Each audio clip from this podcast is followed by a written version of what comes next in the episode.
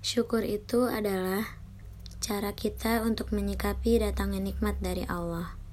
Apa bentuk syukur? Bentuk syukur itu memuji-muji pemberi nikmat, Allah Subhanahu wa taala. Kemudian, menggunakan nikmat itu di jalan yang diridhoi oleh pemberi nikmat. Termasuk bagian dari syukur itu mempergunakan nikmat untuk sesuatu yang menjadi keriduan pemberi nikmat. Dan kita harus pastikan nikmat itu meluas manfaatnya bukan hanya pada diri kita, tetapi juga pada orang lain.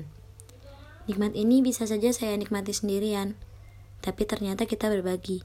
Berbagi ini ternyata melipatkan nikmat itu, membuat nikmat itu semakin nikmat.